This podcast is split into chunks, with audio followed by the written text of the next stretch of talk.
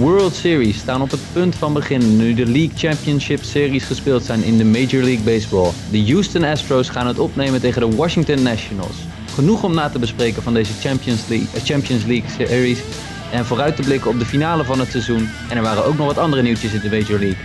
Dat ga ik doen met niemand minder dan onze one-two punch Jasper Roos Hey. en Sander Grasman. Hoi Mike. En volgens mij is dit ook weer een, eh, een aflevering waarbij we eigenlijk weer iemand op locatie hebben, toch eh, Jasper?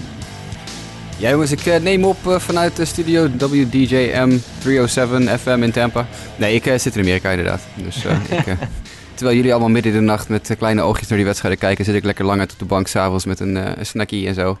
En kan ik ook nog op een normale tijd naar bed. Dat scheelt weer. Kijk, we, we benijden hem wel een beetje denk ik hè Sander? Ja, het is hier eh, diep in de nacht eh, opblijven om een wedstrijdje te zien. Het hoort er wel ook weer een beetje bij eh, deze tijd van het, eh, van het jaar. Eh, d- als jullie allebei eh, één woord zouden mogen kiezen om, eh, om, de Champions, eh, om de League Championship Series te beschrijven. Jasper, wat zou jouw woord zijn? Eh, ja, ja, moet ik niet een saai woord kiezen natuurlijk. Want ik zou zeggen spannend, want het was ongelooflijk spannend aan de ene kant. Eh, ik zou zeggen eh, reclame. Reclame voor de sport. Kijk, en, en, en jou Sander? Ja, het waren nogal twee verschillende series. Hè? Als je kijkt, de spanning die er was bij de Yankees en de Houston, die ontbrak er nogal bij Washington eh, tegen St. Louis. Maar eh, imponerend eh, vond ik het wel. Ook wat Washington liet zien. Mooi. Nou, daar gaan we dan zo meteen nog wat verder stil bij staan. We beginnen eventjes met wat, wat andere nieuwtjes die in de Major League de afgelopen week naar voren zijn gekomen. Te beginnen met de Los Angeles Angels. Die hebben een nieuwe manager. En dat is, eh, ja, we hadden het eigenlijk al zien aankomen. Jasper, je had het al voorspeld. Joe Madden. Ja, dat eh, had ik inderdaad al aanzien komen. Het is natuurlijk weer teruggekomen op het oude nest voor Madden. Hij is eh, zijn carrière, zijn spelerscarrière begonnen bij LA. Hij is zijn coachingscarrière begonnen bij de Angels. En nu is hij weer terug. Ja, dat is, dat is niet heel, heel gek natuurlijk. Echt een California man geworden. Al, ik geloof sinds 76 of 75 dat hij daar een huis heeft. Of in ieder geval een soort van woont. En de Angels zijn natuurlijk een club in, in hoge nood als het aankomt op... ze moeten zo snel mogelijk Mike Trout nog eens een keer de playoffs in zien te krijgen. En ze denken blijkbaar dat Joe Madden de man is die dat eh, gaat doen voor ze. Ik weet niet of dat ook gaat gebeuren. Want ja, we hebben toch allemaal gezien dat Madden, hoe, hoe goed het af en toe gaat met zijn manager... dat hij ook af en toe de neiging heeft om wat gekke dingen te doen... eh, en iets te veel interessant wil zijn... en dan ja, dus weer juist de verkeerde resultaten boekt. Maar ik denk dat het wel voor LA, gezien het feit dat ze de laatste paar jaar... een aantal keer na Mike Socia niet in staat zijn geweest om eh, echt met goede, ook überhaupt met goede kandidaten naar voren te komen. Want ik bedoel, als je uiteindelijk natuurlijk Brad Osmus op, een gegeven moment aanwijst als manager, dat is dan niet dat je denkt een high-profile kandidaat om, eh, om te gaan managen ergens. Eh, denk ik toch dat, dat ze nu eigenlijk, eigenlijk wel eens een keer zeggen zoiets van, nou, nu willen we ervoor gaan. Het is wel een, een, een, sterke manager. Hè? Hij, hij heeft ook een, een deal getekend voor drie jaar eh 12 miljoen. Eh, Sander, wat denk jij van Joe Madden bij de Angels? Is dat een, is dat een goede fit? Eh, ja, ik eh, ben heel benieuwd. Ik denk dat ze alleen maar omhoog kunnen kijken. Dus wat dat betreft, het kan alleen maar beter, denk ik. En ik ben ook wel benieuwd wat ze allemaal voor geld aan, uit gaan geven. Hoe ze de selectie op peil gaan brengen. Want daar, zal hij toch mee moeten gaan doen. En ik denk dat hij het met het huidige materiaal niet heel veel beter gedaan zou hebben. Maar als ze daar ook gaan in investeren, dan... Ja, dan... eh, ze moeten toch, want... eh, hoe lang is Mike Trout's prime nog? Dat, eh, ze zullen het op korte termijn de playoffs willen gaan bereiken. Nou, ik ben benieuwd. Of Ja, het interessante is, is natuurlijk wel, eh, wat je zegt, je zegt drie jaar f- eh, 12 miljoen, dus is 4 miljoen per jaar. Daarmee eh, levert hij salaris in, want bij de Cubs verdienen die 6 miljoen per jaar.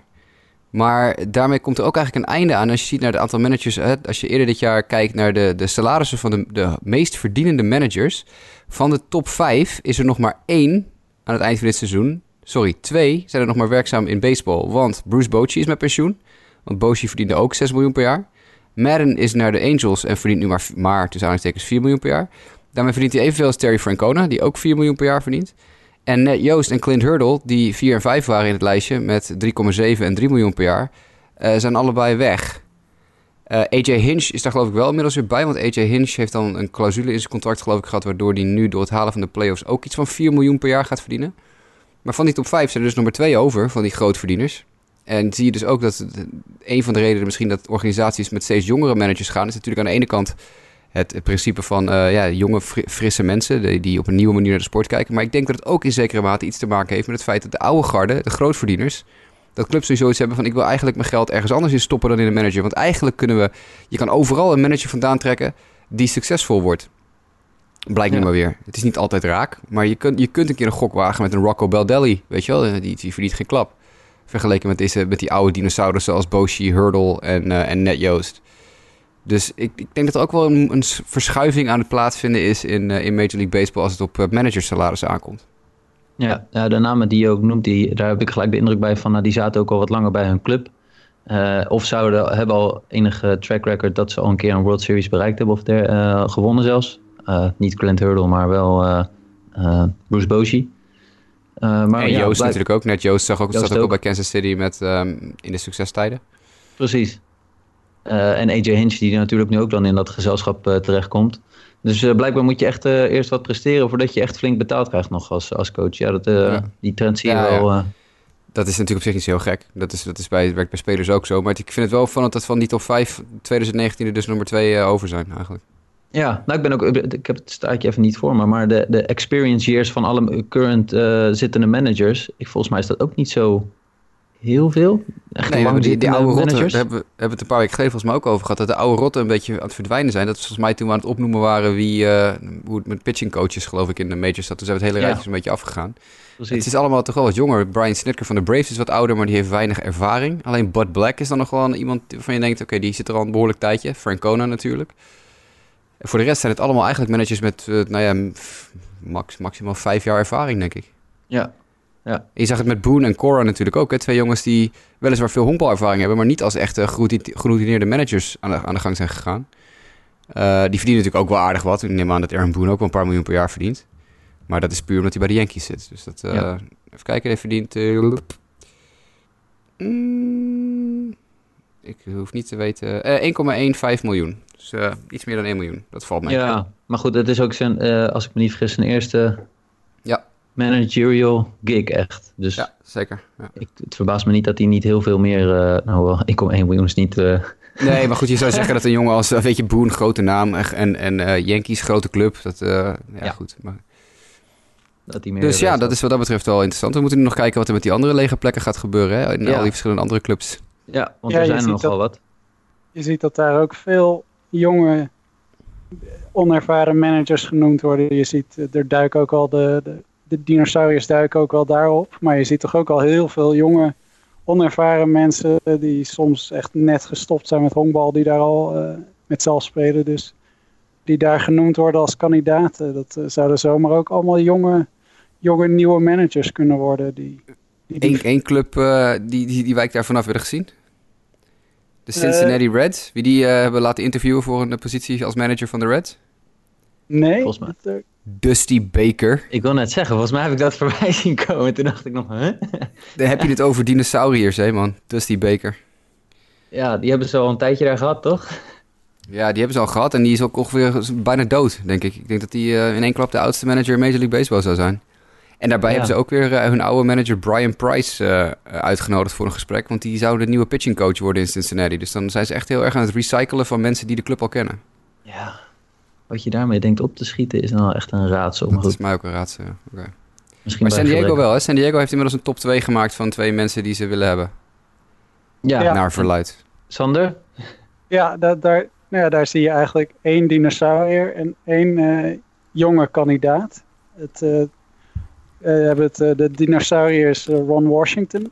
En de, de jonge kandidaat is Jay Stingler. En dat zijn beide bekenden van, ik denk AJ Preller bij, in, uit zijn tijd bij Texas kent hij ze nog. En die zouden nu de laatste twee zijn die uh, naar de volgende ronde zijn voor de gesprekken. En zouden nu, waarschijnlijk een van hen zou het gaan worden, zijn de berichten. Nou ja, die Jay Stingler, dat is wel, een fascinerend figuur hoor. Want die heeft natuurlijk geen managerervaring. Dat is een naam die niemand waarschijnlijk iets zegt. Washington kennen we allemaal nog. Dat is die, eh, die excentrieke Texas Ranger manager die de Rangers naar de World Series heeft geloodst twee keer, geloof ik. Of in ieder geval tot op de rand van de World Series heeft gebracht.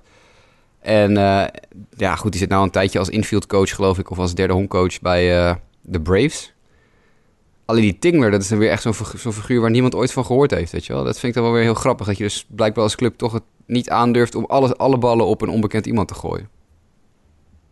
Ja, nou, we gaan gewoon even afwachten wie het dan gaat worden. Denk, uh, als jullie een, eh, een, een, een gokje zouden moeten doen op deze, want de gokjes pakken van sommige mensen deze posities redelijk goed uit. Uh, wie denken jullie dat er uiteindelijk vandoor gaat met de San Diego manager positie?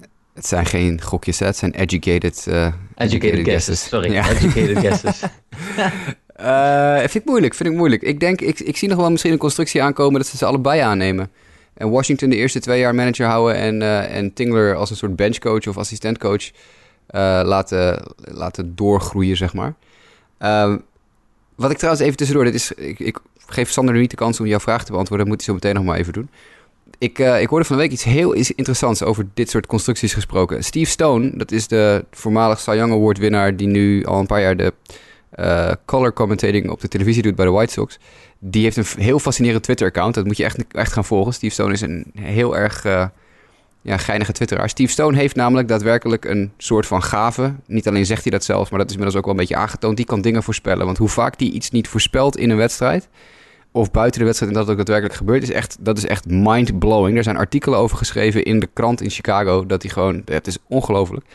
En die heeft nu voorspeld, min of meer, dat er binnenkort al op korte termijn een verandering gaat plaatsvinden in het managerslandschap, waardoor er twee managers per club aangesteld worden. Eentje voor de tactische beslissingen en eentje voor de clubhouse. Dus dat je een manager krijgt, één manager die heel goed is in de spelers loshouden en echt een players manager is en, en, de, en de clubhouse onder controle kan houden. Terwijl er dan een, een figuur in de dugout gezet wordt, die dus tactische beslissingen neemt, die misschien helemaal niet goed is in het jongleren van zijn spelers, maar wel heel goed is in het, in het plaatsen van de spelers op het veld of, of, of op tactische gronden beslissingen nemen. Dus Steve Stone bij deze heeft voorspeld dat er constructies gaan komen, dat er twee managers in de dugout komen te zitten. En ik zou dan, als dat dan toch gebeurt, zou ik zeggen dat Washington en Tingler daar best wel een, een leuke optie voor zouden kunnen zijn. Want Washington is heel goed met spelers maar is verguisd in het verleden over zijn rare tactische beslissingen. Terwijl Tingler, naar verluid, want ik ken hem verder ook niet heel goed, veel tactisch veel beter is. Maar dus dat zou wel een geinige zijn. Maar dan zou mijn vraag wel zijn, wat is dan nog de rol van de benchcoach? Ja, die verdwijnt dan. Oké, want ik dacht juist dat die juist, tenminste doorgaans zijn de benchcoach-types de, de, de, de clubhouse guys een beetje. Ja, maar dat zijn dan de clubhouse guys die, die eh, wat meer als doorgeefluik fungeren. En ze willen dan echt specifiek iemand op een, op een clubhouse gaan zetten die ook gewoon de boel strak kan houden. Terwijl ja, benchcoaches zijn meer een halve vertrouwenspersoon. En dat is niet, niet, uh, niet wat deze constructie is. Dus dan zou de benchcoach principe zou verdwijnen. En je zou echt een tweede manager, iemand die in titel ook manager wordt. Dus dan heb je gewoon twee managers. Lijkt, lijkt me fascinerend. Ja, ik denk, ik, ik denk het ook wel. Ik ben benieuwd wie van de twee dan vaak dan de, de uiteindelijke eindbeslissing mag nemen. Maar dat, uh, ik, ik, ik, zie het wel gebeuren. Ik bedoel, nu zie je vaak dat juist de, de, de assistent wat meer de, uh, zoals je kijkt naar het voetbal, de assistent een wat tactischere uh, persoon is. Terwijl de manager de uh, eindverantwoordelijk is als je dan even een link legt naar een andere sport. Maar ja. dit gaan we dus mogelijk ook zien binnen het honkbal. Ja, misschien wel. Maar goed, als ik een voorspelling moet doen, dus ik zou zeggen dat ze uiteindelijk top safe spelen en voor Washington gaan. Want ze kunnen geen risico nemen, want als dit faalt, dan is AJ Preller er ook uit. Ja, nee, dat klopt. Sander, wie gaat het worden in San Diego? Uh, ja, ik, uh, dat op zich zou dat denk ik een hele mooie oplossing zijn. Want het is echt uh, ja, heel verschillende types. En ja, dit zou een beetje de oplossing zijn om, om van allebei de walletjes een beetje te, te eten. Dus dan, ja, het zou helemaal geen gekke zijn.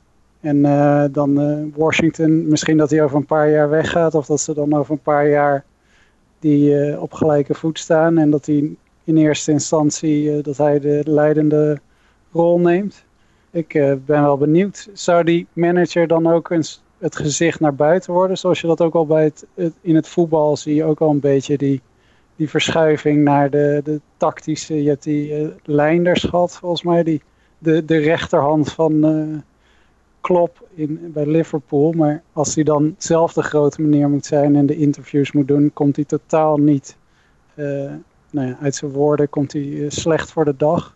Maar die, die floreert als hij die, die tactische keuze moet maken en een beetje op de achtergrond. Dat zou misschien ook een rol kunnen zijn voor de, de tactisch, of de meer de analy, analytische managers die misschien uh, ja, in de schaduw van een meer een persoonlijkheid kunnen groeien in een rol van manager.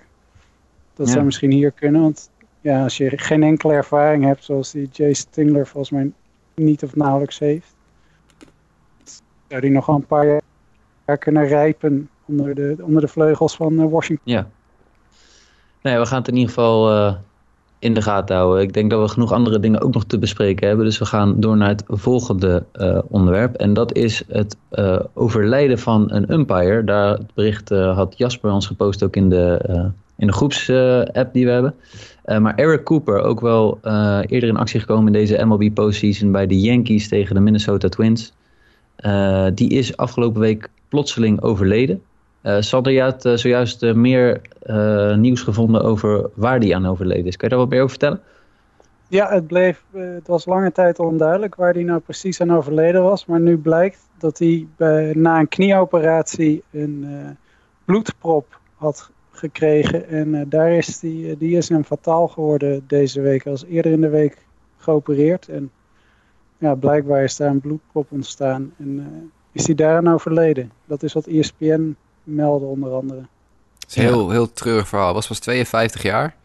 Uh, zeer gewaardeerde umpire. Als je ook de reacties van de spelers op Twitter ziet. Lance McCullers die heeft erover getwitterd. Enrique Hernandez, Kike Hernandez van de Dodgers heeft over hem uh, getweet. Uh, zeer gewaardeerde umpire. Erg goede umpire. Altijd in de top van de, van de jaarlijkse umpire lijstjes. Vandaar dat hij ook met enige regelmaat in de postseason actief mocht zijn. Um, interessant verhaal, wel interessante man altijd. Debuteerde in 1996 in de Major League als een minor league fill-in umpire. Uh, heeft hij dat drie jaar gedaan en is uiteindelijk in 1999 definitief naar de Major League umpire staff uh, doorgesluist. Um, had de World Series assignment in 2014 tussen de Royals en de Giants. Toen had hij, had hij zo'n goed jaar dat hij dus uh, ja, de, de, World Series mocht doen. met name vanwege het feit dat replay challenges van hem zo goed waren. Dus als mensen een replay challenge deden, dan was hij altijd, kwam hij aan de goede kant van de medaille. Hij had eh, dat seizoen maar drie calls die omgekeerd waren. Drie calls van hem die uh, met, door replay waren omgekeerd. Uh, ja, goed, uiteindelijk als je zijn lijstje ziet, ook 10 Division Series, 4 League Championship Series, de All-Star Game in 2005, twee World Baseball Classics. Hij was ook onderdeel altijd van de World Baseball Classic crew, waar de MLB ook toch over het algemeen de beste heen sturen. Heeft three, uh, three no-hitters gecalled, drie stuks om precies te zijn. Um, Mark Burley's no-hitter in 2007 en zijn perfect game in 2009 is ook nog de enige umpire ooit die bij twee no-hitters van dezelfde werper achter de plaats stond. Dus dat is Eric Cooper bij Mark Burley, allebei zijn no-hitters, zijn no-hitter en zijn perfect game. Uh, Hideo Nomo's uh, perfect game in 2001 was Eric Cooper de home plate umpire. En die geweldige laatste wedstrijd van Cal Ripken Jr. in 2001, waarbij Ripken een rondje door het stadion maakt en dat soort dingen meer. Ook daar was Eric Cooper de home plate umpire. Uh, populaire man. We kwamen mooie verhalen op Twitter ook al langs van mensen die hem op het vliegveld uh, toevallig vorige week of twee weken geleden nog hadden gezien rondlopen en iemand in een rolstoel zagen zitten met een petje, een honkbalpetje op en dat hij uitgebreid op zijn hurken naast die rolstoel ging zitten om even een kletspraatje te maken met die persoon over honkbal. Um, hij was een lid van uh, een, een, organisatie, hij was boardmember, dus organisator van Mentor Iowa. Dat is een organisatie die zich buigt over misbruikte en ja, ander, op anderzijds ja, afgedankte kinderen eigenlijk. Dus hij is uh, ook wat dat betreft, als hij heel erg in de off-season altijd heel erg actief uh, voor goede doelen. Waanzinnige man en uh, heel schokkend dat hij op deze manier inderdaad overleden is op pas 52-jarige leeftijd. Want dit was een van de echt hele, heel, heel, heel goede in MLB. Ja, en zoals je het ook zegt, toch wel iemand die ook wel een aantal bijzondere mijlpalen heeft meegemaakt als, als scheidsrechter op het veld. Dus het, we wensen in ieder geval de familie van van Eric Cooper veel sterkte toe. En ja, helaas. Ik, ik weet niet of MLB ook nog wat heeft gedaan bij de, rondom de wedstrijden. Uh, ik heb daar niks van meegekregen nog. Nee, volgens mij is hij overleden na de laatste na de, uh, Ja, precies. Dus ik ben benieuwd. Ze zullen wel iets doen in de World Series misschien. Dat verwacht ik eigenlijk uh, ook wel. Dat daar iets van een moment stilte of iets dergelijks zal worden gehouden. Uh, wij gaan ons nu richten op wat er allemaal op het veld gebeurde. En dan gaan we het hebben over de National League en de American League Championship Series. Ik zei net Champions League Series volgens mij uh, bij het begin. Dat is natuurlijk deze week ook in een andere sport. Daarom was ik even wat afgeleid. Uh, maar we gaan beginnen met de National League Championship Series. En die, werden gespeeld, die werd gespeeld tussen de Washington Nationals en de St. Louis Cardinals. Waarbij de St. Louis Cardinals ja, gewoon gesweept werden in vier wedstrijden. 4-0. Game 1 was een 2-0 overwinning voor de Washington Nationals. Game 2 een 3-1 overwinning voor de Washington Nationals. Toen ging de series van St. Louis naar Washington toe. Won Washington opnieuw, dit keer met 8-1. En in de laatste wedstrijd, game 4, wonnen de Nationals opnieuw met 7-4 van de Cardinals. waarbij de Cardinals eigenlijk maar in één wedstrijd meer dan één run scoorden. We gaan even kort hebben gewoon wat, wat, de algemene indrukken waren. En dan begin ik bij jou, Sander.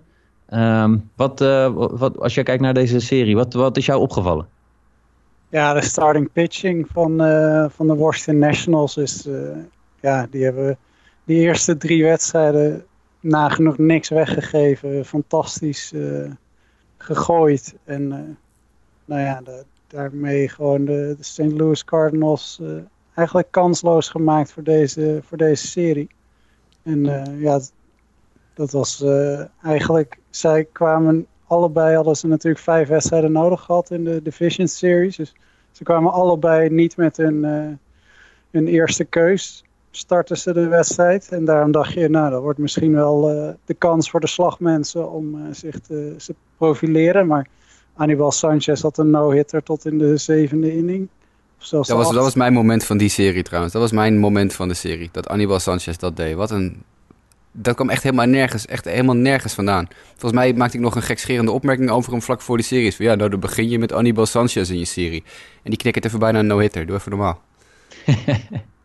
ja, en was het niet zo dat Anibal Sanchez en Max Scherzer ook al in 2015 bij Detroit eenzelfde soort uh, one-two punch vormde achter elkaar zo lang uh, zo weinig hits tegen. In ieder geval ja, uniek dat, uh, dat ze dat nu weer deden. Volgens ja, mij, ja, ja, ik had, ik had ook zo'n tweet voorbij zien komen, maar het was echt uh, ja, bijzonder sterk. Ongelooflijk hoe sterk de Washington pitching was. En ik, ik moet nog, je, je zegt dat dat jouw moment was van de, van de series, Jasper. Ik dacht nog even in game 2, naar de cijfers te bestuderen van Adam Wainwright, dat je daar ook nog wel het nodig over kwijt wilde, of niet? Ik heb hem wel, uh, ik heb wel eventjes uh, eer betoond aan, uh, aan Adam Wainwright op Twitter. Die eigenlijk gewoon net iets te lang in de, in het, in de wedstrijd gehouden wordt om, ja, om af te maken waar hij aan begon. Maar ja, dat is absoluut ook een, een dingetje waar je natuurlijk niks anders dan respect voor kan hebben. Die man is wat 38 inmiddels. En heeft het echt een zwaar seizoen achter de rug, waarin het nergens eigenlijk weer soepel loopt. En Adam Wainwright, die we eigenlijk al jaren geleden afgeschreven hebben natuurlijk. Laten we even wel wezen. Ik bedoel, dit is iemand die alleen nog maar honkbalt omdat hij ja, een instituut is bij de Cardinals en omdat hij een contract heeft. Maar voortdurend geblesseerd, altijd problemen. Uh, dit seizoen ook weer gewoon een ERA over de vier. Uh, strikeouts ver onder één per inning. Een whip van bijna anderhalf in het hele seizoen. 38 jaar. En dan komt hij nu eventjes ook weer uit het niets eigenlijk. Zeven innings, 11 strikeouts. Ja, goed. En in de laatste, laatste inning dat hij op de heuvel staat, krijgt hij nog een paar punten tegen. Waardoor uiteindelijk de Cardinals verliezen. Want die stonden natuurlijk de hele wedstrijd uh, nou, zo'n beetje voor. Of nou, dat helemaal waar. Ze stonden 1-0 achter. Uh, en ze komen dan 3-0 achter. En dat is dan een beetje. Dat, dat, ja, dat, keer kon, dat tij konden ze niet meer keren. Maar ja, niks, niks anders dan respect voor, voor Adam Wainwright. Die als, als echt hoogbejaarde werper. met geen enkele stuff meer zowat. toch zo ontzettend goed uh, nog kon pitchen. Ja, 11 strikeouts. Dat was echt wel uh, netjes. En ik, wat ook opviel, vond ik wel, is dat weet je, St. Louis gaat dan naar, de, naar Washington in die serie. En, en dan, dan moeten ze eigenlijk die wedstrijd winnen. En ja, Jack Flaherty heeft het gewoon dan, de beste pitcher eigenlijk van het afgelopen seizoen van de St. Louis Cardinals, heeft het gewoon ontzettend lastig daar. En Washington was ook gewoon ijzersterk. Hè? Ik bedoel, met name in die game 4, in die eerste inning, dat ze gewoon gelijk al zeven runs scoren. Ja, dan, dan is die serie eigenlijk al gespeeld. En, dat was een beetje een anticlimax, vond ik. Ja, dat hebben we veel dit seizoen. Voor, in ieder geval in de postseason een paar keer gehad. Dat het die eerste inning al eigenlijk de serie beslist. Uh, ik kan me ook nog iets herinneren met de Braves, zeg maar. Ja, ja, teleurstellend. Want eh, je hoopt natuurlijk op een beetje spanning, maar aan de andere kant, ja, goed. Dit is gewoon afgetekend, denk ik. Ja. Als je dat is ook totaal niet onverdiend, toch? Totaal niet onverdiend, laten we eerlijk zijn. Nee. Nee, als je... Ik, ik, ik, ik was verbaasd over hoe sterk de starting pitching zeg maar, uh, uh, was van, van Washington. Maar ik vond ook de, de offense, weet je, je zag gewoon een aantal mensen daar, daarop staan. Hè? De, uiteindelijk Howie Kendrick, good old Howie Kendrick of all people die, uh, die zeg maar de, de MVP eh, wint. Maar ik vond ook Adam Eaton op bepaalde momenten echt doorslaggevend aan slag. en, en, en Ryan Zimmerman, ja, de oude man, die had ook nog een paar mooie, een, mooie vangbal in een van de wedstrijden. Het, het, het, het, loopt gewoon. En wat, wat vonden jullie trouwens in, in, in game one van de Juan Soto, die op de pitcher afstapt en even zijn cup adjust een paar keer. Heb je dat nog meegemaakt? Ik zag het op Twitter langskomen. Ja, nou ja, goed. Ik hou er wel van. Beetje attitude. Ja, toch? Ja. Maar verder heeft hij niet een geweldige serie gehad, hè? Nee. Nee, Maar- nee. eh, hij heeft, Hij eh, hij heeft wel- weinig geslagen. Maar ook eh, de, de Cardinals kwamen met Goldschmidt en Ozuna die in, in topvorm waren in de Division Series. En volgens mij hebben ze gezamenlijk 17 strikeouts laten noteren in deze vier wedstrijden. En volgens mij een, een average van eh, rond de 100. Ja, die Ja, dat kan gewoon- altijd erger, want dat deed Edwin Encarnacion in zijn eentje bij de Yankees, geloof ik. Maar goed, dat kunnen we het zo meteen even over hebben. En Ja. eh, de bullpen, een vaak punt waar we het ook nog eens over gehad hebben van de Nationals. Wat vonden jullie van de bullpen in deze, deze serie? Kan je Ja. weinig van zeggen, toch? Ja. Nou ja, niks, kan je niks van zeggen. Nee. Al dat gezeur eerst over dat eh, Daniel Hudson eh, de eerste wedstrijd geloof ik ge- geskipt had omdat zijn vrouw eh, een kind kreeg. Of dat hij een kind kreeg met zijn vrouw. En ik hou hem wel even je mond, man. Die gozer die maakt gewoon een hele goede keuze. Die gaat gewoon lekker naar zijn vrouw. En dan vond ik het wel mooi dat hij daarna gewoon weer terugkeert en eh, twee saves haalt in eh, vier wedstrijden. Ja. En ze hebben met Tanner Rainey nu weer een. eh, het lijkt een betrouwbare, redelijk betrouwbare arm erbij. Dat iets meer ruimte is in de bullpen. Want eigenlijk hadden ze daar bijna alleen maar Hudson en, eh en Doolittle, wat echt betrouwbaar. Want verder gebruiken ze er eigenlijk bijna niemand. Je hebt dan Fernando Rodney die nog af en toe eh, erop mag. Maar het is wel fijn voor ze dat ze in ieder geval nog eh, een derde arm hebben waar ze echt vertrouwen in lijken te hebben nu. Fernando Rodney, teamgenoten geweest met Astros manager AJ Hinch. Tja, Moet je nagaan hoe oud hij is. fair point, fair point. Jasper, had jij nog punten die je verder in deze serie opvielen? Nee, de pitching van, eh, van Washington is gewoon heel sterk. En dat wisten we al. En dat gaat natuurlijk, als we straks al met een schuin oog naar de World Series gaan kijken... dan gaat dat natuurlijk eh, ja, schitterende dingen opleveren als het goed is met die, eh, die drie gasten. Ja, ja ik ben wel benieuwd hoe dat gelopen. Nou, dan gaan we snel door naar de, ja, de American League Championship Series. En ja, dan mag jij het aftrappen, Jasper. Ik zal heel kort even nog de, de serie, het serieverloop beschrijven. Het was een, ja, weinig verrassend, maar oh, nou, weinig verrassend. Eh, de Houston Astros gaan er uiteindelijk vandoor met eh, de series win. Eh 4-2. De Yankees winnen weliswaar game 1 met 7-0 van de Astros eh, in Houston. Game 2 loopt iets anders. Die wordt 2-3 gewonnen door, eh, door Houston in 11 innings. Eh, door een, eh, een home run, een walk-off home run van Carlos Correa. In game 3 in New York winnen de Astros met 4-1 van de Yankees. Game 4 winnen de Astros opnieuw, dit keer met 8-3. En dan is er nog een laatste wedstrijd in New York. Maar dan weet James Paxton Justin Verlander te outduelen. En winnen de Yankees 4-1. De serie gaat terug naar Houston. En ja, daar wint Houston een, eh, ja, een van de meest zinderende wedst- eh, eh, slotfases van deze postseason. Met 6-4 van de New York Yankees. Jasper, ja, ik geef je gewoon even de mic. Deze series, ga even je gang. Ja, weet je, ja goed, ja. Dit is wat ik van tevoren op Twitter al liep te roepen... en wat ik in de podcast gezet heb. Dit is wat we willen. Dit is toch wat we willen. Zo'n serie met twee van zulke teams... die allebei waanzinnig goed gespeeld hebben dit seizoen... maar ook fantastische postseason hebben gedraaid. Dit is wat je wil zien. Er zijn van die, van die zes wedstrijden die gespeeld zijn... zijn er vier geëindigd in, met minder dan drie runs verschil. Je hebt die twee uitschieters gehad van game 1... waar de Yankees met 7-0 winnen... en game 4 waar de Astros met 8-3 winnen. Dat zijn de enige twee uitschieters. Voor de rest is het allemaal inderdaad 2-3, 4-1, 1-4, 4-6. Weet je, dat allemaal vlak bij elkaar, een paar runs bij elkaar. Zo weinig runs iedere keer dat het in één inning helemaal om kan slaan. En dat gebeurde ook een paar keer, want je zag in die game 6, je refereerde daar al even aan. Natuurlijk DJ LeMahieu die in de negende, top of de negende inning de bal eh, over de hekken slaat voor de gelijkmaker. Waarna Altuve in de tweede helft van de negende inning de walk-off twee-run home run slaat.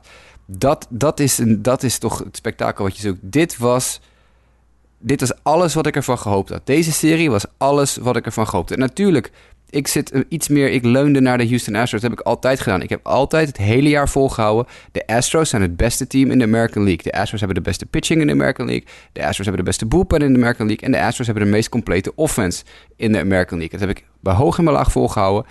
De Yankees waren een hele goede tweede. En dat zijn ze ook nu weer gebleken. Alleen dit, dit spektakel is wat je zoekt in de, in, een in de American League postseason. Of überhaupt in baseball postseason. Dit is wat we willen zien. En natuurlijk, het is, het is aan de ene kant misschien jammer dat het zo voorspelbaar is. Want ik bedoel, je kan inderdaad van tevoren heb ik geroepen... de Astros gaan de World Series winnen. Uh, nou ja, of dat gaat gebeuren moeten we afwachten. Ik denk het nog steeds stiekem wel dat ze de World Series gaan winnen. Maar als de Nationals winnen heb ik daar ook volkomen vrede mee. Want ik hou ook wel van een beetje een Cinderella story. En we weten vast, de luisteraar Dennis Jansen heeft uh, op onze aanraden... wat uh, geld op de Nationals gezet aan het begin van de postseason. En die kan stevig cashen als de Washington Nationals daadwerkelijk de World Series winnen. En ik gun Dennis dat natuurlijk ook van harte. Maar deze serie tussen de Houston Astros... een flesje wijn heeft beloofd. Ja, ja, precies. Ja, nee, als, hij, als hij wint, dan krijg ik een flesje wijn van hem. Dus dat... die, die, krijg ik ook nog steeds van Nick trouwens, maar dat is een ander verhaal. um, nee, maar dit, de, deze serie... Iedere wedstrijd stond er wel weer iemand op. En je ziet alleen naarmate de, de serie vordert... dat er op een gegeven moment... Ja, de, de, kaars ging een beetje uit bij een paar jongens... die de boel moesten dragen. En de Yankees natuurlijk weer zonder Stanton. Dit hebben we het hele jaar door hebben hier opgehamerd. Je ja. kunt niet vertrouwen op jongens als Stanton. Want hij is gewoon te vaak geblesseerd. En je kunt geen World Series winnen als je sterspelers zo ontzettend uit elkaar vallen als in dit geval Stanton. Dat, dat weet je gewoon van tevoren. De kans dat hij uitvalt is gewoon heel groot. En je kunt niet eeuwig in je, in je hoge hoed van reserves blijven duiken. Uh, natuurlijk, ere wie ere toekomt. Uh, mijn goede vriend uh, Giovanni Urshela had een uitstekende American League Championship Series. Ook een uitstekende Game 6, waarin hij een paar mooie defensieve plays maakte en ook ja. aan slag weer meedeed. Dus tuurlijk, je kunt overal af en toe wel eens iemand vandaan trekken. Maar je kan niet blijven leunen op een offense waar de helft niet thuis geeft. Want Encarnacion was echt terrible ja. in de ALCS. Uh, Sanchez was niet goed. Uh, Didi had zijn ups en zijn downs. Stanton geblesseerd. Nee, LeMahieu was dan de enige die echt wel constant goed was.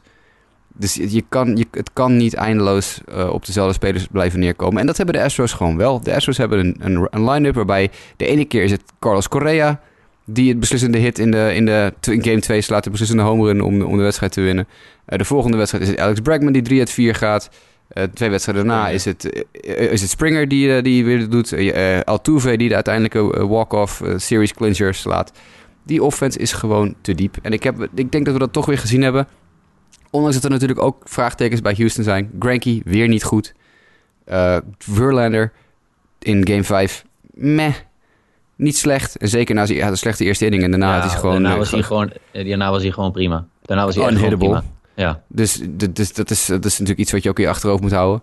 Maar uh, Garrett Cole, ook niet zijn beste wedstrijd die hij ooit gegooid heeft. En toch komen die Yankees er niet aan te passen. Want Cole was echt niet op zijn best. De Cole die we in de wedstrijd in de start ervoor zagen... was zoveel beter dan de Cole die we in, de, in game 3 zagen van de ALCS.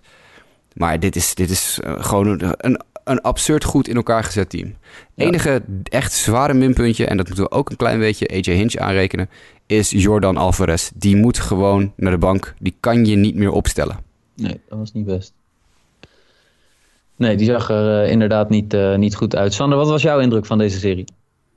Ja, ik uh, moet zeggen dat ik positief, nou, eigenlijk gewoon blij ben hoe Altuve weer is opgestaan. Het, ja, ik vind dat een mooie speler. Uh, Zo'n klein mannetje die het altijd, uh, nou, altijd een beetje tegen de, tegen de stroming in heeft moeten zwemmen. En uh, ja, altijd gedacht dat hij te klein was. En eigenlijk nou, zijn hele carrière staat hij er al. En veel blessureleed gehad dit seizoen. Maar sinds hij terug is, gewoon, gewoon fantastisch. En nou, de, in de playoffs verschrikkelijk goed. Ik denk alleen wel dat we ook wat zwakke plekken bij de pitching van Houston hebben gezien. Wat mij enigszins hoop geeft dat uh, de World Series toch nog wel spannend kunnen worden. Want uh, nou de Verlander heeft nu twee van zijn vier wedstrijden verloren. En uh, ja, hij kwam er wel goed in na die eerste inning. Maar ja, die eerste inning is wel... We hebben het net al gehad over de pitching van Washington. Die is gewoon ijzersterk. Daar kan je ook zo'n inning niet tegen, tegen verantwoorden. En ja, dat, uh, het heeft hem nu ook de wedstrijd tegen de Yankees gekost. Ik, uh, ja, prachtige serie, twee walk-offs. Nou, hoe vaak heb je dat in een uh, serie van zes? Ja, de, de beste teams in de American League. En ja, het geeft ook wel, doet ook smaak naar meer voor de World Series. Ik denk dat het kan een hele mooie World Series worden. Ik, ik. Ik, ik, ik, vrees dat dit hem was, zeg maar. Dat, dit, deze, wets, deze serie eigenlijk de, de World Series was. Maar dat, uh, laten we hopen op nog, nog een aantal mooie wedstrijden. In ieder geval met de World Series. Maar deze teams waren wel echt head-to-head -head, genot om, om, om te zien. Als jullie allebei één moment mogen kiezen van deze serie. Die er voor jullie ja, eigenlijk in ieder geval het highlight filmpje aan het eind van het seizoen erbij moet zitten. wat is er dan voor jou, Jasper? dat is de Korea Walk-Off in Game 2. dat is namelijk het moment, als de Yankees daar winnen, staan ze gewoon 2-0 voor. En dan weet ik niet of de Astros dat te boven komen. Dus hoewel het misschien qua individuele performance of qua, qua mooiheid. Het is geen mooie defensieve actie. We hebben natuurlijk ook vrij defensieve acties gezien. Michael Brantley met die mooie double play in de laatste, laatste wedstrijd. Ook heel belangrijk. Haalt helemaal de angel weg uit de, de, de Yankees aanval, de Yankees comeback. Maar eh, verliezen de Astros die game 2 in eigen huis... dan is het ineens een heel ander verhaal. En dan is het toch weer Carlos Correa, ook veel blessures gehad... die opstaat in de tweede helft van de elfde inning... de walk-off home run slaat om de Astros op gelijke hoogte te brengen dat is denk ik het breekpunt geweest voor de Astros. Dat ze dachten, oké, niks aan de hand. 1-1. We zijn nog steeds helemaal hier. We, zijn er gewoon in. We hoeven in New York maar één of twee te winnen en we zijn in orde. En dat gebeurt dan ook uiteindelijk. Dus voor mij is dat de Carlos Correa walk-off in game 2. En voor jou, Sander? Ja, voor mij was het uh, die vangbal van Brantley. Die uh, double play waar die uh, Judge ook nog eens uitgooit op, op één. Het deed me een beetje denken aan die vangbal van Benintendi vorig jaar. Waarbij als hij hem mist, dan uh, gaat hij aan hem voorbij. En dan, uh, nou ja, dat, uh, dat is pijnlijk. En hij vangt hem en hij gooit ook nog meteen de man uit op, op de honken. Waardoor meteen de inning afgelopen is en het gewaar geweken. Schitterende vangbal. Ja, dat was voor mij. en de, de home run van Altuve. Na, nadat hij net gelijk het momentum lijkt veranderd te zijn over te gaan naar de tegenstander dan die walk-off. Ja, fantastisch ook. Ik, ik vond, uh, het, het, waren inderdaad, uh, hij was de grote man, hè? de kleine grote man, laten we dat zo zeggen. OCL Toeve. Ik vond het ook wel mooi dat je, je, je zag Chapman lachen na die, uh, na die home run, maar dat was ook echt, heb je ooit een boer met kiespijn zien lachen? Dat was het, zeg maar. Ja, hè? Ja, echt, echt Ik vond wel een mooi verhaal dat in, in Sports Illustrated stond, hè? dat ik weet niet of je het gezien hebt, dat Um, hoe heet die? Eh, Brad Gardner van de Yankees. Die, die, de bal van Altuve, de homerunbal, viel terug op het veld. En, en iedereen rent natuurlijk naar de thuisplaat om te gaan vieren. Gardner pakt die bal op. En op dat moment rent bullpen-catcher uh, Javier Bracamonte van de Astros rent langs Gardner heen onderweg naar de thuisplaat om te gaan vieren. En Gardner houdt hem even tegen en zegt: Hier, deze bal moet jij maar meenemen. Want ik denk dat er wel iemand is bij jullie die dit wil hebben. Ja. Uh, fantastische serie gespeeld. Gefeliciteerd. Nou, go get hem. En, en breng de titel naar de American League. En dat soort dingen, dat maakt dan weer, dat is, dat is weer honkbal ook, hè? Dat is toch ook weer... Judge deed hetzelfde trouwens, die is ook nog even naar Brakkemonte toegelopen. Uh, die toevallig ook natuurlijk in het outfield liep en, uh, en langs die, uh, dat geheel liep. Vind, vind ik wel weer mooi. Ja, want ik vind eigenlijk dat, maar misschien is dat gewoon überhaupt in Amerika, vind ik dat dat soort dingen eigenlijk relatief weinig vaak in beeld worden gebracht. Hè? Het enige wat je ziet is vervolgens dat de, de Houston Astros ontzettend feest aan het vieren zijn. Uh, maar dat de Yankees op een bepaalde manier toch ook wel respect tonen uh, voor de prestatie die dan geleverd wordt. Terwijl bij, bij andere sporten zie je dat veel meer, dat, dat teams dan nog eventjes in ieder geval handen uit, een handdruk uitwisselen en nog een soort van applausje of iets dergelijks geven. ja, het gebeurt moment... dus wel. Alleen ja, je wil, je wil natuurlijk in de, op televisie wil je het feest, het feest zien, toch? Ja. Je wil niet één of twee outfielders in het outfield die staan te praten met een bullpen-catcher. Dat interesseert de televisiemakers denk ik niet zoveel. Dat klopt. Maar goed, de emotie van beide kanten, zeg maar. Het winst en het, uh, het verlies, uh, als het ware. Uh, overigens, een moment in de serie waar ik dat wel ontzettend mooi naar voren vond komen... was Cici Sabathia. Die, ja. ja. die zijn schouder gewoon kapot heeft helemaal, gegooid, volgens mij. Helemaal de versukkeling in gooit, ja. Ja, maar dat was wel een mooi moment waarbij Cole ook nog een applaus gaf. En ik geloof dat jij had een tweet gestuurd nog van Justin Verlander. Die ook nog, dat er geloof ik de avond daarna was in het, in het stadion, uh, uh, werd uh, nog op de, op de big screen getoond. En toen stapte Verlander volgens mij ook even van de heuvel om ook nog even een applausje te geven richting de beelden van Sisi als het ware.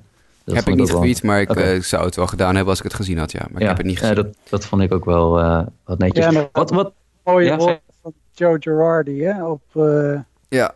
MLB Ja, dat vond ik ook wel mooi. Even bijna ontroerd met afscheid van, uh, ja, toch treurig afscheid van, van Sabathia, dat hij met een blessure zijn seizoen eindigde.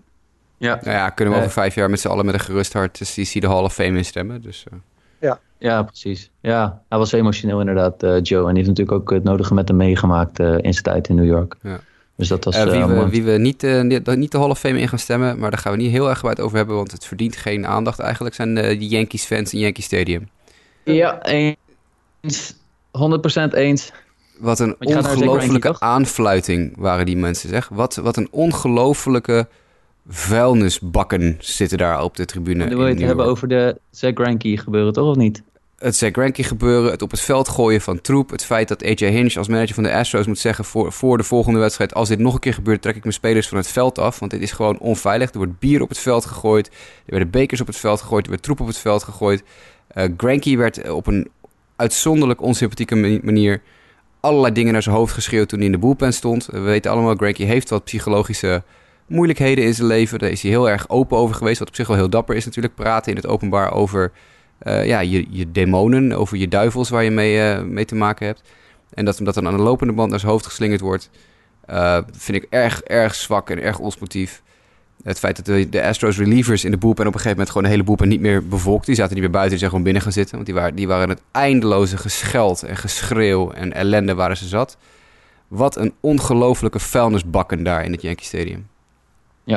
Nee, dat eh, eh, sluit ik mij volledig bij aan. Ik, eh, maar tege- eh, laat ik, ik, ik verdedig het niet. Maar tegelijkertijd, als je weet dat je het ergens op die manier kan verwachten dat dat over je heen gaat komen, dan is dat inderdaad wel bij Yankee Stadium. Ja, of bij de Philadelphia Phillies. Of bij de Philadelphia Phillies, dat, dat fans zich van, van zo'n slechte kant laten zien. Want ik vind het echt beneden niveau dat je inderdaad iemand als Granky gaat pakken op dat soort, op dat soort aspecten. Dat vind ik echt laag. Ja, dit is Ja. ook niet Dus, echt één eh, of twee of zo. Hè. Het, waren echt, het waren er tientallen, elke wedstrijd weer. En natuurlijk zitten er Ja. ook nog duizenden mensen in het stadion die het allemaal wel goed doen. En die natuurlijk emotie tonen en juichen. En op, op die boarding slaan en op de padding slaan. Dat vind ik fantastisch. Dat, dat, is, dat vind ik nou mooi. Dat is een beetje, een beetje die... Dat creëert sfeer. Lekker over die boarding heen hangen. Lekker op rammen op die muur en lawaai maken. dat is ook mooi is, om te zien inderdaad. ja, man, dat is, dat is toch super gaaf. Ja. Maar dan Ja. verlaag je dan niet tot, tot, tot het feit dat notabene die, dat, dat andere managers moeten zeggen... dat op het, op, de bord, op het bord, op het scorebord gezet moet worden... gedraag je, want anders kan het niet verder. Dat zijn voetbaltaferelen, dat is geen, geen honkbaltaferelen. Echt, Ja, ik zweer het je. Yankees fans moeten zich echt heel erg schamen. Ja, nou, er zijn er ook diverse afgevoerd, geloof ik, door de NYPD. Eh, geloof ik, voor de dingen die ze hebben geroepen en dergelijke. Maar als we nou heel even kijken naar, naar wat er op het veld gebe- eh, gebeurde. De Yankees, die druipen nu af als verliezer eh, in, de, in de ALCS. Wat heeft dit team dit jaar, dit jaar fout gedaan waarom het, laten we zeggen, uiteindelijk niet gelukt is? Of hoe gaan ze het volgend seizoen wel halen? Eh, de World Series? Ja, Hmm. starting pitching halen, denk ik. Dat ze gaan doen. Want dat Althans, lijkt de quick fix. Ja, verder, ja, ze, hebben gewoon, ze zijn gewoon een, een, een van de sterkste ploegen die ik me kan herinneren tegengekomen. Dus ja, het is, Houston is gewoon verschrikkelijk goed. Ik eh, kan ze eigenlijk alleen maar vergelijken met, met de Yankees eind jaren 90 en de Braves misschien midden, begin jaren 90 aan ploegen die ja, echt zo'n dynastie-achtig eh, eh, ja, fase bezig zijn. Ik, eh, deze Houston Astros zijn gewoon heel goed. Dus ja, Ja. ik denk dat eh, ja, de Yankees zijn in ieder geval geen, geen bums of losers wat ik eh, wel gezien heb. Het is gewoon een fantastische ploeg, alleen Houston is net iets beter. Ja.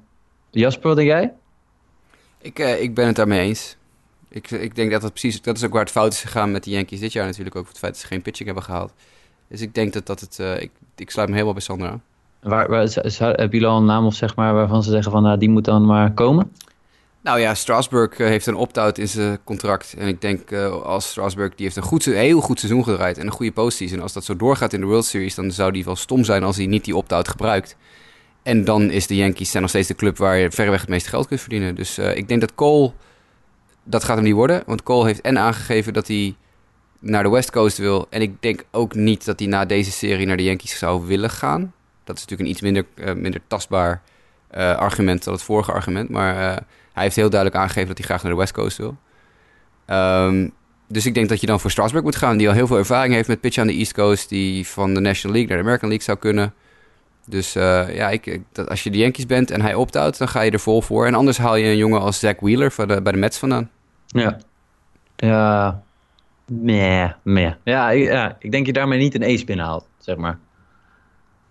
Maar met misschien... Wheeler. Nee, met Wheeler niet, nee. Nee. Maar je Nee. hebt natuurlijk een Severino die een ace kan worden. Je hebt Paxton die een ace kan zijn. Ja, natuurlijk, het zijn allemaal kan, kan, kan. En dat is de reden dat de Yankees niet gehaald hebben, is het feit dat er geen diepte achter zat. Ja. Je, krijgt de, je krijgt de payroll ruimte, ruimte met de Sabathia die weg is. Je krijgt de rotation ruimte met Sabathia die weg is. Uh, je zou kunnen overwegen als Yankees dat je de Odorizzi bijvoorbeeld nog haalt. Die is ook uh, free agent. Dat is ook een prima nummer drie of nummer vier in je rotation. Dat je het gewoon inzet op, oké, we hebben dan misschien geen ace, maar in plaats daarvan hebben we vier of vijf nummer drie's. Ja. Ja, en ze hebben natuurlijk nog steeds wel een hele sterke bullpen uh, wat dat betreft. Uh, nou, ik denk op zich dat je wel een punt aanstaat. Kijk, weet je, als, als de Yankees gewoon fit waren geweest dit seizoen. Hè, als Severino gewoon een hele seizoen fit was geweest. En ook nu, want ik vond hem nu ook niet de sterke Severino zoals we hem kennen. Maar goed, hij heeft natuurlijk het grootste deel van het seizoen ook gemist. Uh, uh, laat staan dat uh, Domingo German niet op bepaalde dingen was gepakt en misschien ook hier een rol in had kunnen spelen, dan denk ik dat die Yankees al beter partij hadden kunnen bieden. en wat jij in het begin al eigenlijk zei bij je analyse, kijk naar die line-up. Daar gaven gewoon veel mensen niet thuis. Gewoon echt ja. niet thuis. En je mag toch wel verwachten dat iemand die 30 miljoen per, uh, per jaar betaalt, ja, als die zo blessuregevoelig is en op dit soort momenten gewoon niet beschikbaar is, dat is toch gewoon uh, uh, teleurstellend, om, om het maar even zo te zeggen. en ik vond ook Judge ja, en, en Gregorius ook, ze stonden niet op toen, toen ze ze echt nodig hadden, de Yankees. Dus daar, daar, daar moeten ze denk ik nog wel kijken wat ze, wat ze daar beter aan kunnen doen. En ik vond ze ook slordig op een bepaalde fase. Ja, vond ik ook. Vond, vond ik, ook, heel ja. slordig. En met name die, volgens mij was het game 4 uit mijn hoofd. Waar ze echt uh, de ene na de andere fout op een gegeven moment maakten. Uh, ja, dat Torres heeft, denk ik... twee en de Mayu twee errors in één wedstrijd. Ja, Judge volgens mij ook nog eentje doorheen. Onderdoor ge, geglipt. Maar goed, dat, uh, ja, je ziet dat dat soort... Dat was toen gelukkig maar in één wedstrijd. Maar ik, ja, ze waren niet, niet de top. En dan word je wel afgestraft door hem. Dat was inderdaad game 4. Dat vier errors door inderdaad twee van de Mayhew en twee van Glaber. In ja. één wedstrijd. Ja. Nou hadden ze die wedstrijd denk ik niet zonder die fouten. Ja, dan wordt het misschien closer, maar ik, ik vond ze niet dermate goed in die wedstrijd zitten. Dat ik denk van die hadden ze gehaald. Tanaka in game 1 en game 4 was ook een wereld van verschil. Uh, zeker, zeker. Ja. En Green ook niet goed in die wedstrijd. Dus dat is, uh, maar goed, dat is een ander punt. Ja. Maar goed, laten we dan richting de World Series gaan. Want uh, die, staan, uh, die gaan morgen beginnen. Morgenavond. Dinsdag, de, dinsdagavond, de ja. We, we, zeggen morgen, maar ik weet niet of ik het nog voor elkaar krijg om zo meteen deze aflevering in elkaar te zetten. Dus het kan zijn dat ik dat morgen ga doen, op dinsdag. Voor, dus voor jou nog steeds morgen? voor mij nog steeds morgen en voor jullie dan uh, inderdaad, nou ja, laten we zeggen dinsdag. Dinsdagnacht voor jullie, dinsdagavond voor mij beginnen ze. Acht minuten over twee Nederlandse tijd. En dan gaat namens de Houston Astros Garrett Cole de heuvel nemen tegen To Be Decided. Maar alle, naar alle waarschijnlijkheid met Max Scherzer voor de Washington Nationals. Het zou mij uh, hoogst verbazen als dat niet zo zou zijn. Nee, dan uh, pak ook maar gelijk uh, de dag later erbij de Nationals weer at de Astros met dit keer de eerste worp 7 minuten over 8. Uh, Justin Verlander vermoedelijk tegen Steven Strasburg. En dan game 3, die is op, van vrijdag op zaterdagnacht. Uh, dan verschuift de serie naar Washington en dan gaat Zach Greinke starten namens de, uh, namens de Houston Astros. En de vermoedelijke werper is dan voor de Washington Nationals Patrick Corbin. Uh, fun fact, deze twee jongens gooiden vorig seizoen allebei nog voor de Arizona Diamondbacks. en ik geloof dat de nummers 1, dus Garrett, van de wedstrijden 1, Garrett Cole tegen Max Scherzer volgens mij ook een connectie hebben. Allebei California-based of iets dergelijks. Nee, Scherzer nee. komt van, uit Missouri. Heeft bij de University of Missouri gezeten. En Cole is van UCLA, geloof ik. Of Cal. Dus die link heb ik 1, 2, 3 niet met California. Ja, de, de, de, ik heb ergens een tweet voorbij zien komen dat deze drie, alle, alle drie de wedstrijden zeg maar, een mooie link hadden voor wat betreft de pitching matchups. Maar goed, die ben ik wel even... Ja, nee, Scherzer, Scherzer is ook geboren in Missouri, dus dat, hij komt niet uit uh, Californië. Scherzer en Verlander, maar die spelen dan niet tegen elkaar. Die hebben bij Detroit samen gezeten. Ah, dat was het, ja. ja. En Cole, Anibal Sanchez ook. zijn ja. allebei eerste keus draft picks. Die jaar na elkaar, denk ik. Nee, nee dat was wat ertussen voor, voor, de, voor de mooie pitching matchup zou je eigenlijk willen hebben dat Cole tegen Strasburg moet. Dan heb je twee number one picks tegen elkaar. Verlander tegen Scherzer. Dan heb je de Detroit jongens tegen elkaar. En dan Greinke tegen Corbin. Dan heb je de Diamondbacks jongens tegen elkaar. Maar goed. En Cole, Cole en Strasburg ook allebei college in California. Want volgens mij komt uh, Strasburg bij San Diego State vandaan. Precies, en dat, Cole was hem, bij, dat was hem. Uh, dat was hem, ja. ja.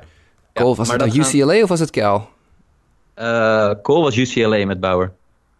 Met Bauer? Nee, ja. het was Cal. Uh, ja, nee, je hebt gelijk. UCLA. Ja, je hebt gelijk. Sorry, ik zat bij de verkeerde... Ja, met, inderdaad met Bauer samen, ja. ja. Klopt. Maar dat gaan ze denk ik niet doen. Ik denk inderdaad ook dat, uh, dat Scherzer gaat beginnen. Ik, dus, uh, ik vind het heel slim. Ja, goed, slim. Je, je, Houston heeft de mazzel natuurlijk dat ze Cole voor het laatst, wanneer was het, de vijftiende gebruikt hebben. Denk ik, zeg ik uit mijn hoofd even. Dus die is, die is uitgerust, maar het is natuurlijk super mooi dat je in game 1 een werper als Garrett Cole kan gebruiken... die vervolgens in game 5 weer op regular day rest zit. Dus je kan hem en in game 4 op short rest gebruiken als het nodig is... en in game 5 of op gewoon uh, 5 day rest, op je normale interval. En dan kan je hem desnoods in game 7 nog uit in relief gebruiken... want dat is drie dagen rust en na drie dagen heb je meestal een bullpen session in Amerika. Dus je kan Cole nu in ieder geval voor twee starts en een relief beurt gebruiken als je hem, als je hem zeven wedstrijden laat duren, die serie. Als dat natuurlijk gebeurt, dat is ook altijd de vraag. En dan kan je Verlander in game 2 en game 6 gebruiken. Uh, dat is ja, dit, dit lijnt perfect op. Voor allebei natuurlijk. Hetzelfde geldt natuurlijk voor de Nationals met Scherzer en Strasburg. Die natuurlijk ook gewoon in... Scherzer kan je ook drie keer gebruiken. Twee keer gewoon en één keer in relief. En, uh, en Strasburg kan je twee keer als starter gebruiken. Ja. Dus dat, is, uh, dat, dat, dat komt prachtig uit. Ik, ik kan mij geen World Series herinneren die, ja, jullie hebben het de vorige podcast ook al aangegeven, die zoveel dominante starting pitching heeft gefeatured. Nee, het is waanzinnig.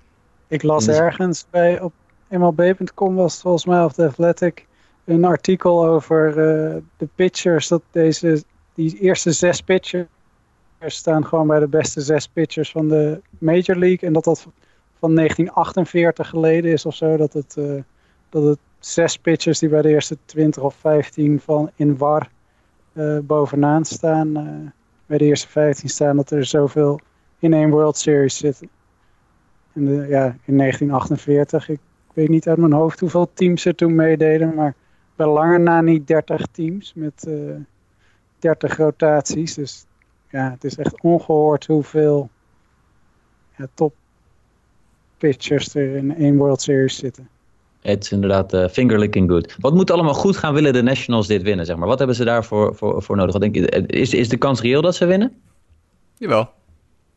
Ja. Ja, ik denk het wel. Ja, ik bedoel, die pitching is, nou ik wil niet zeggen net zo goed, maar wel bijna net zo goed. Ik, dat loopt elkaar echt niet heel veel. En je hoeft maar één slechte dag te hebben als je een van de twee uh, uh, starters bent aan een van de beide kanten om, om een wedstrijd te verliezen. Um, en, en de is, ja, ik vind de, Astros, de Astros offense is veel beter natuurlijk. Is, of veel beter, die is veel dieper. Maar ik bedoel, je hebt bij de Nationals ook gewoon jongens rondlopen... die met, met één of twee swings van de knuppel de boel helemaal open kunnen breken. Ik bedoel, als je tegen Rendon en Soto en dat soort gasten staat in je line-up... Ja, ik bedoel, dat, uh, je ja, hebt dat... gezien in, in die serie tegen LA... dan komt in één keer een Howie Kendrick weer links uit de hoek met een Grand Slam, weet je wel? Ja, en het is waarschijnlijk de eerste twee wedstrijden ja, op papier zou je zeggen, het zijn low-scoring games. Het is juist die ene klap die je maar nodig hebt om het te, te winnen. Als ze de, daarvan, als ze met een uh, gelijke stand teruggaan naar Washington en dan de Corbin Greinke matchup en dan die vierde wedstrijd met Anibal Sanchez tegen, ja, dat is niet helemaal duidelijk of ze daar voor een bullpen dag gaan of uh, ja, Peacock hebben ze volgens mij nu gebruikt als ja, soort halve opener. Ja, dan heb je ineens in wedstrijd 3 en 4 liggen er misschien wel kansen om op voorsprong te komen. Ja, dus, dus er zijn denk ik zeker kansen wat mij betreft. Is, zijn, is Houston wel de favoriet? Omdat ik, ja, ik denk dat Cole net iets beter is dan Scherzer en Verlander net iets beter dan Strasburg. Dus dan ze, ze kunnen zomaar met 2-0 uh, Houston, uh, uit Houston weggaan. Maar uh, als dat 1-1 is, dan kan het, kan het een heel mooie serie worden, denk ik. Want uh, waar, waar zitten dan ook de zwakke punten van, uh, van de Nationals? Ja, Los van dat ze net iets minder zijn? Ja, de offense, denk ik. Ik denk dat die gewoon uh, niet, niet zo up en down de line-up zo diep is als de Astros. Kijk, als je bij de Astros in de laatste vier, vijf slagmensen komt... dan zitten er nog wel twee of drie tussen die je pijn kunnen doen. Terwijl dat bij de Nationals eigenlijk bijna niet zo is. Ja, als je positie voor positie afgaat, dan, dan kies je denk ik voor 7, 6, 7 van de posities kies je iemand van Houston boven iemand van, van ja. de Washington. En, en, en, gaat de, de, de pitcher die moet gaan slaan in, in, in Washington nog effect hebben? Zou kunnen hoor. Uh, dat is natuurlijk, uh, de, de Astros hebben wat dat betreft minder ervaring als pitching staff met slaan. Uh, Granky dan wel weer natuurlijk een heel goede slagman. Dat hebben ja, ze dan weer mee. Dat in Pittsburgh gedaan. Uh, dat heb ik niet 1, 2, 3 te paraat staan. Maar hij heeft wel natuurlijk uh, meer ervaring. Dankzij zijn tijd in Pittsburgh. Uh, dan, maar Verlander die kan bijvoorbeeld helemaal niet slaan. Ik ben het gelijk even aan het opzoeken. Ja, de ik ook. Garrett Kijk Cole wie, betting stats. Kijken wie sneller is. Kijk wie sneller is. Jij bent sneller, want mijn internet is niet zo snel als die van jou. Zo. Oh, ik heb het nog niet. Ik heb het nog niet. No. Ah, echt. niet. eh, Dan gaat dan gaat Sander ermee vandoor. Drie homeruns, Drie inderdaad. Drie homeruns. Drie keer homeruns, ja. Maar wel de is, uh, slaggemiddelde is altijd zo'n beetje onder de 200, behalve in zijn rookiejaar. Dus dat schiet niet op. Nee, dus ik denk, eh, ik, denk- ah, maar het gaat ook geen verschil maken, toch? Weet je, dan, dan, dan, als, hij, als hij aan slag komt in een eh kritieke punt in de wedstrijd, dan haal je hem maar uit. Maar, maar we callen hem alvast ergens in game 4 of game 5. Komt die homer van Garrett Cole. Ik hoop het. staan, Lijkt me toch? fantastisch. Lijkt me fantastisch. Ja. Ik, ik, ik, eh, eh, eh, eh, ik, ik kwam deze vandaag tegen op, op, op, op, eh, op Twitter van eh, Mike Petriello van eh, MLB.com. Eh, de Washington Nationals hadden natuurlijk een dramatische start. Hè? Die waren op een gegeven moment Mhm. 19 en 31. Sinds dat moment hebben de Houston Astros maar één wedstrijd meer gewonnen dan de Washington Nationals in de regular season. En eh, de Houston Astros waren het beste team van de MLB vanaf dat moment. Dus ik geloof dat de Astros 73, 37 waren of zo. En op de nummer 2 stonden de Washington Nationals en de eh, Los Angeles Dodgers met eh 74, 38 of zo. Net één of twee wedstrijden meer gespeeld door een, eh, door een off-day. Ik wist niet dat de Nationals vanaf dat moment eigenlijk zo goed waren. Eh, ik, ik, ik ben benieuwd of ze eh, zo goed zijn in, in, in, de, in de World Series. Ik heb namelijk de indruk dat zij in de National League Series eigenlijk het niveau hebben gehaald wat zij nu de komende dagen moeten gaan hebben. En ik betwijfel of ze dat kunnen repeaten. Want ik, ik verwacht niet dat die pitching eigenlijk nog een keer zo dominant gaat zijn. Ehm, maar laten we dan maar richting predictions gaan. Ehm, Sander, wie gaat de World Series winnen? En in hoeveel wedstrijden? Ehm, ik, ik denk. Ja, ik denk Houston. Maar Als we dat allemaal zeggen, is dat niet zo leuk natuurlijk. Maar je mag ook je, je, je, je laat ook je gevoel spreken. Wat wil je? Eh, zal ik gewoon eens afwijken en dan zeg ik dat eh, Washington een wint in 7. Jasper? Astros in 6. Ah, ja, ik denk ook dat Houston gaat winnen. Maar ik moet altijd gaan voor de National League. Afgezien als er één ander team in staat. Eh, ik ga voor de, de, de Nationals in 5. Omdat ik gewoon niet denk dat als, ze, eh, als het moet goed gaan, dan moet het gelijk goed gaan. Want als ze twee keer Cole en Verlander tegen gaat komen, zie ik ze gewoon niet twee keer daarvan winnen. Eh, maar ja, Houston is gewoon eigenlijk het, het, het betere team. Ja, Dus, ik bedoel eh, nogmaals, ik, ik heb er vrede mee als eh één van twee wint. Ik heb, echt geen- ik heb helemaal niks tegen één van deze twee teams. Ik heb een paar jaar natuurlijk achter elkaar gehad dat ik altijd heel duidelijk voor één team was en tegen een ander team. Ja. Ik heb één, ik heb één jaar gehad dat ik totaal niet kon kiezen omdat ik ze allebei niet wilde. Namelijk de Cubs en de Indians dat jaar. Ja, Dus toen, was, toen keek ik ook voor niks. Maar ik bedoel, ja, vorig jaar eh, had ik duidelijke voorkeur. Het jaar daarvoor had ik een duidelijke voorkeur. Eh, ja, het, het werkt niet altijd. Maar dit is wel het eerste jaar dat ik denk van... Ja, ik bedoel, ik zou het super leuk vinden als de Astros het winnen. Want dan komt mijn voorspelling uit aan het begin van het seizoen. Heb ik de World Series winnaar voors- goed voorspeld. En ik vind het een leuk team en ik vind het een goede organisatie. We weten het allemaal wel. Ik ben niet voor niks tenslotte de de facto blijkbaar superfan. Maar ik zou het fantastisch vinden als de als Nationals winnen. Want dat is dan, weet je, dat is weer een nieuwe club die het hoogste treedje bereikt heeft. En Ryan Zimmerman, die zijn hele leven bij de club speelt. ja. Die, met, die met een kampioenschap eh, afscheid neemt. Of afscheid neemt. eh, ik bedoel, in ieder geval nog een kampioenschap heeft voordat hij eh, ermee stopt. En, en ik heb altijd een zwak gehad voor Scherzer. Dan Hudson. dus ook Dan Hudson. Dan Hudson op een zekere mate ook nog. Ja, Strasburg is natuurlijk een ex-honkbalweker. Dus dan hebben we ook nog weer een honkbalweek eh, winnaar als eh, World Series winnaar. Die hebben we sowieso, Alex Bregman. Ja, dat is, ja, dat is waar. Ja, die hebben we sowieso. Dus dat, maar goed, ik had het nu even over de Nationals. Dus dat is. eh, Ik heb er vrede mee als één van beiden winnen. Maar ik denk dat Houston sterker is.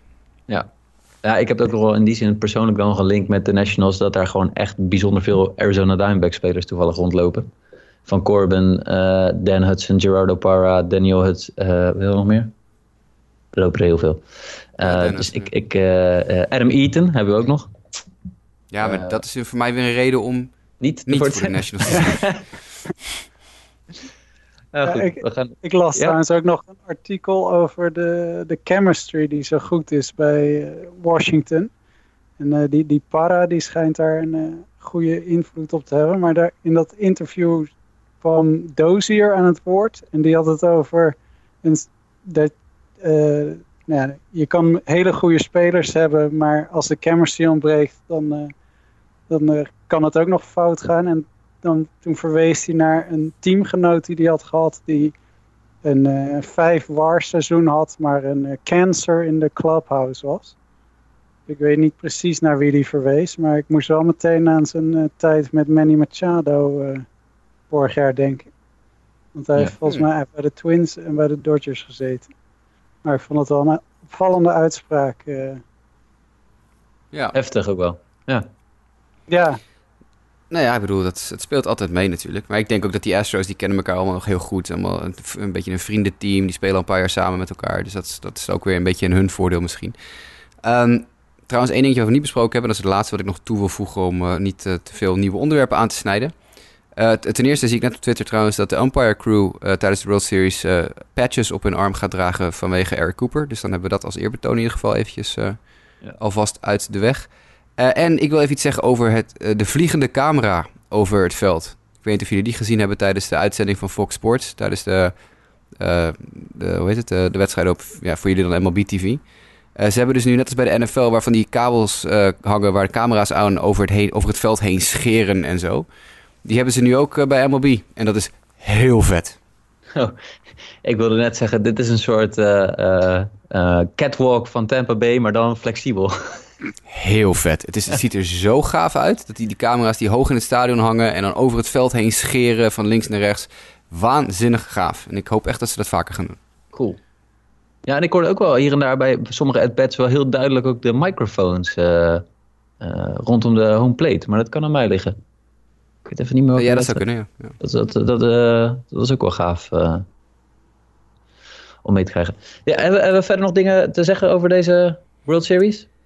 Ik denk dat we alles wel eens een beetje gehad hebben. Ja, ik denk het ook. We hebben denk ik een, een uurtje mooi uh, volgepraat en voorbeschouwd. We gaan zien. Ga je uh, nog games kijken voor je voorbaat al? Of uh, ja, ik denk dat Jasper qua timezone in ieder geval de eerste drie makkelijk moet kunnen kijken. Ik zal eens even een blik werpen op het schema hoe het gaat verlopen. Ik denk dat ik in ieder geval tot en met... Ja, vijf nog wel hoor. Ja? Kijk. nee, vijf red ik net niet. tot en met game 4 kan ik hier kijken nu we nog niet een half uur de klok vooruit of achteruit hebben gezet, maar gewoon nog op uren Precies. werken. Precies. Sander, jij? Heb je al wedstrijden dat je zegt van die ga ik in ieder geval kijken? Of, uh, of uh, wordt het vooral de replay de volgende ochtend? Uh? Ik denk dat ik veel tot replay ben veroordeeld. Maar als het kan, probeer ik wel een wedstrijdje of real life. Of nou misschien als het heel spannend wordt, nog wel een latere game. Maar die eerste, die, door de week zijn, dat wordt lastig. Ja, uh, in ieder geval door de pitching wordt de replays in ieder geval wel de moeite waard om weer terug te kijken. Uh, dus dat, uh, daar sluit ik me in ieder geval waarschijnlijk ook voor een groot deel bij aan. jongens, bedankt. De ja, mensen bedankt. gaan ons weer horen, denk ik, na afloop van de World Series. Ik denk dat dat misschien nog wel later wordt. Dat, dat moeten we even kijken. Want volgens mij komen we richting honderdste aflevering. En dan willen we iets speciaals doen. Yes. Dus moeten we eventjes nog overleggen. Hou de Twitter feed in de gaten. Yes. Moet ik die nog even allemaal oproepen? Doe voor de gein eens even. Oké, okay. dan weet ik dat Jasper Jasper Roos is, met dubbel R. Sander Grasman is, oh die weet ik even niet uit mijn hoofd. Sander. Grasman ja, SD. Grasman, Grasman SD. Kijk, Ed Grasman SD. Jimmy Driessen is at Jimmy Driessen, dubbel M, dubbel S. Justin Kevenaar is at JW Kev. Uh, ik zelf ben mdijk90 en Sportamerika is Sportamerika. Dan ben ik rond, toch? Facebook.com slash Sportamerika. Kijk, dan hebben we die ook nog. En Instagram? Hebben we ook nog, ja. Sportamerika NL met twee underscores, geloof ik. Precies.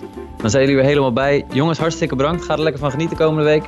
En uh, tot de volgende keer.